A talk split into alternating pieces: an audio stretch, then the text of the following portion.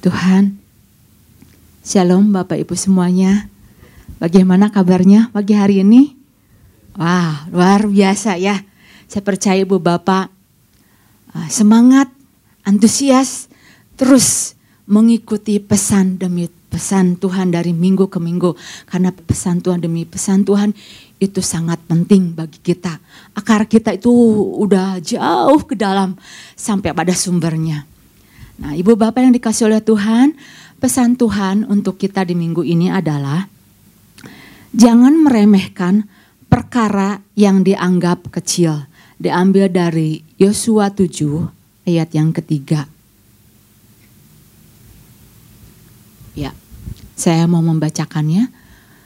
Kemudian kembalilah mereka kepada Yosua dan berkata kepadanya, tidak usah seluruh bangsa ini, bangsa itu pergi biarlah hanya kira-kira dua atau tiga ribu orang pergi untuk menggempur Ai itu.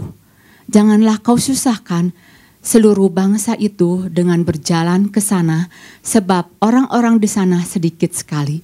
Jadi pesan Tuhan adalah jangan meremehkan perkara yang dianggap kecil. Kalau ibu bapak uh, uh, mengikuti pesan ini, jadi penekanan dari inti dari pesan ini adalah sebuah peringatan. Namanya sebuah peringatan itu artinya ada yang harus kita perhatikan. Wanti-wanti ya. Karena namanya sebuah peringatan itu artinya dia itu punya kandungan penting. Seperti misalkan seorang orang tua kasih tahu pada anaknya, wanti-wanti Ingat-ingat ya, ini penting. Supaya kamu jangan begini, jangan begini, jangan mengalami hal-hal apa lagi. Nah pesan Tuhan ini juga sebagai sebuah peringatan untuk kita itu hati-hati terhadap hal-hal yang sepertinya kita enggak anggap penting. Padahal itu sebuah hal yang penting. Jadi kita taruh sebuah perhatian penting pada pesan Tuhan ini. Supaya apa? Supaya kita dijauhkan dari yang namanya kejatuhan. Dijauhkan dari yang namanya kerugian. Dijauhkan dari yang namanya kekalahan. Satu kali saya uh, melakukan sebuah kesalahan. Dan akhirnya anak-anak itu marah. Saya pikir, aduh kok kesalahan seperti kayak gini anak-anak bisa sampai marah gitu ya. Dan saya akhirnya teringat dengan sebuah uh, sebuah peribahasa. Sebab nila setitik rusak susu sebelanga. Jadi semua sepertinya apa yang saya sudah lakukan karena kesalahan sedikit gitu ya. Semua perjuangan saya itu apa luntur semua. Semua kebaikan saya di hadapan anak-anak itu luntur semua. Anak-anak itu marah. Jadi saya menyimpulkan, oh dengan kesalahan yang sangat kecil ini artinya apa? Artinya saya harus hati-hati dengan hal yang kecil. Bahayanya hal yang kecil kalau tidak diperhatikan.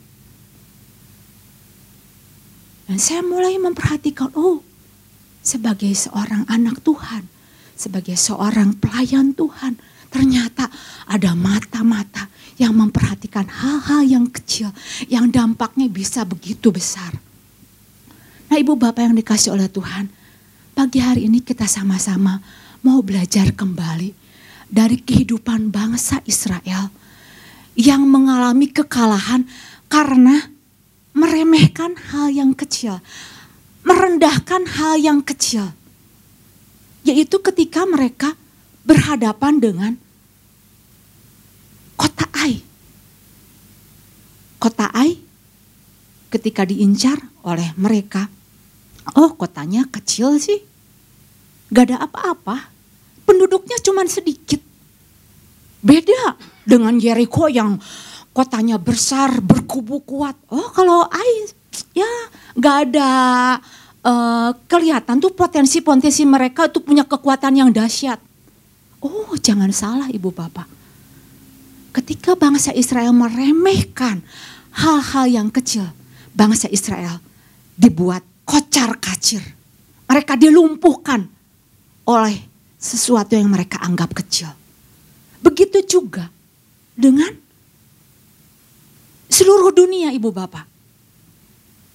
Kita diobrak-abrik, dibuat lumpuh dengan yang namanya virus corona. Virus yang hanya kecil. Ukurannya hanya 0,1 mikron. Hanya kecil sekali. Tetapi dia tidak kecil. Di dalamnya dia pot, punya potensi yang besar. Dia punya potensi untuk apa? Untuk membunuh. Bahkan jutaan orang-orang terbunuh karena virusnya dianggap kecil. Akhirnya seluruh mata dunia memperhatikan, mulai meneliti. Ada apa sih dengan virus corona ini? Mereka mulai perhatikan. Nah jadi hal yang sepertinya kita anggap kecil, ah enggak lah, enggak apa-apa gitu.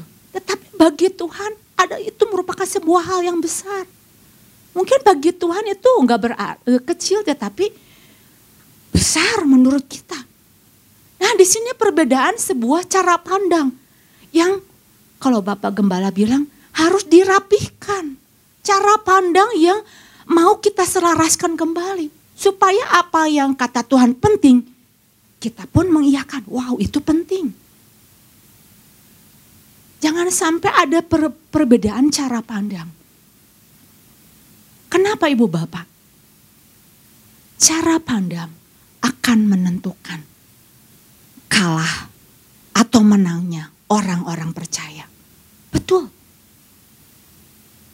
Kita lihat pada awal penciptaan manusia, Tuhan menempatkan Adam dan Hawa di Taman Eden. Mereka mengalami namanya kekalahan. Kekalahan karena perbedaan cara pandang mereka. Dari cara pandang akan menentukan orang percaya itu akan mengalami kekalahan atau tidak. Pertama kali Tuhan bilang pada Adam dan Hawa ketika dia tempatkan semua buah di taman ini boleh kamu makan bebas. Tetapi satu buah pengetahuan yang baik dan yang jahat jangan kamu makan. Nah ketika mereka memiliki sebuah cara pandang yang berbeda, cara pandangnya tuh salah terhadap Tuhan dan terhadap dirinya, akhirnya mereka jatuh ke dalam dosa. Nah, dari sinilah Ibu Bapak, kita harus harus melihat, kita harus meminta kepada Tuhan, Tuhan bukakan mata hati saya supaya saya melihat seperti ketika Tuhan melihat.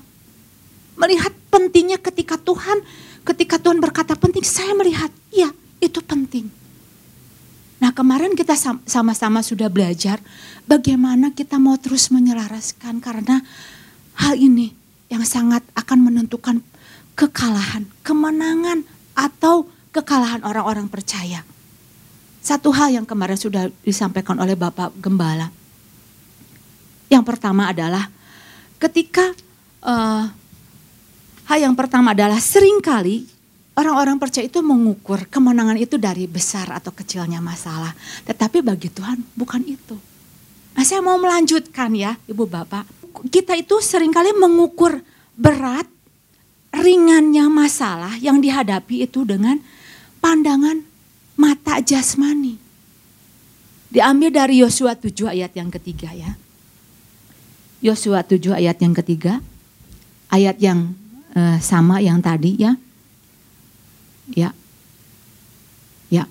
Kemudian kembalilah mereka kepada Yosua dan berkata kepadanya, tidak usah seluruh bangsa itu pergi, biarlah hanya kira-kira dua atau tiga ribu orang pergi untuk menggempur ai itu janganlah kau susahkan seluruh bangsa itu dengan berjalan ke sana, sebab orang-orang di sana sedikit saja. Nah, ibu bapak ini adalah sebuah ayat ya yang menunjukkan bahwa para pengintai itu sudah melakukan survei. Ya. Jadi ketika uh, bangsa Israel harus uh, menggempur kota Ai, maka Yosua mengutus beberapa orang ke Ai. Dan hasil laporannya mereka datang kepada Yosua. Pak, lapor nih Pak. Kota Ai itu kecil, cecel, gampang lah. Penduduknya nggak banyak. Cukup utus dua ribu atau tiga ribu. Gak usah banyak-banyak. Karena hasil survei menunjukkan bahwa apa yang sudah kami lakukan itu pastilah kita akan mengalami kemenangan. Oh, kata Joshua, begitu ya. Baik, kalau begitu, kalau kau yakin dengan surveimu, ayo berangkat. Berangkatlah bangsa Israel menyerbu kota Ai. Namun apa yang terjadi ibu bapak ketika bangsa Israel menyerbu kota Ai? Tidak seperti ketika mereka menyerbu Yeriko. Apa yang terjadi ibu bapak? Bangsa Israel kocar kacir. Mereka dibuat tidak berdaya. Bahkan dikatakan bahwa 36 orang Israel itu ditewaskan. Artinya apa? 36 itu bukan 36 orang biasa. Ini sebuah kekalahan besar. Ketika apa? Ketika bangsa Israel mengalami kekalahan, hal-hal yang lain selain mereka apa uh, uh, mengingkari perjanjian karena mereka tidak setia dengan mengambil barang rampasan, satu hal yang mereka lakukan ketika mereka mengalami kekalahan karena apa? Karena mereka melihat besar kecil sebuah masalah dihadapi dengan pandangan mata jasmani. Ini sebuah yang sangat berbahaya sekali.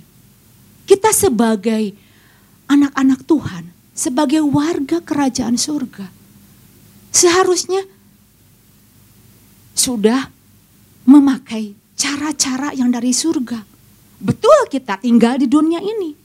Betul kita masih ada tubuh dan darah. Tetapi kita harus pakai dengan cara apa? Dengan menerapkan nilai-nilai tersebut. Pakai cara-cara tersebut. Mungkin kita berasal, beralasan, ya karena kita kan masih punya darah dan daging. Betul kita punya darah dan daging. Tapi kita punya roh kudus. Kita punya pengurapan. Kita dimampukan untuk melakukan. Untuk menerapkan cara pandang yang benar. Jadi ada cara pandang yang seharusnya orang-orang percaya. Dan ada cara pandang yang tidak tepat.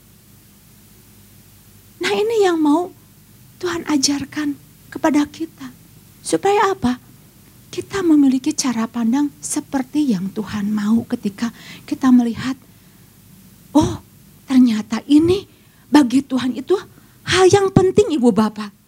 Nah dari sini ketika kita tahu gitu ya bangsa Israel menganggap bahwa mereka mematok untuk berhadapan dengan Ai dengan dasarnya itu adalah sebuah pengamatan, sebuah survei.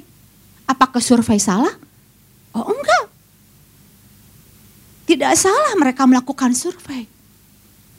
Tetapi di mana Tuhannya? Di mana rasa hormatnya? Nah titik ini yang Tuhan tidak melihat. Di titik ini Tuhan tidak melihat bagaimana bangsa Israel hormat mengakui keberadaan dia.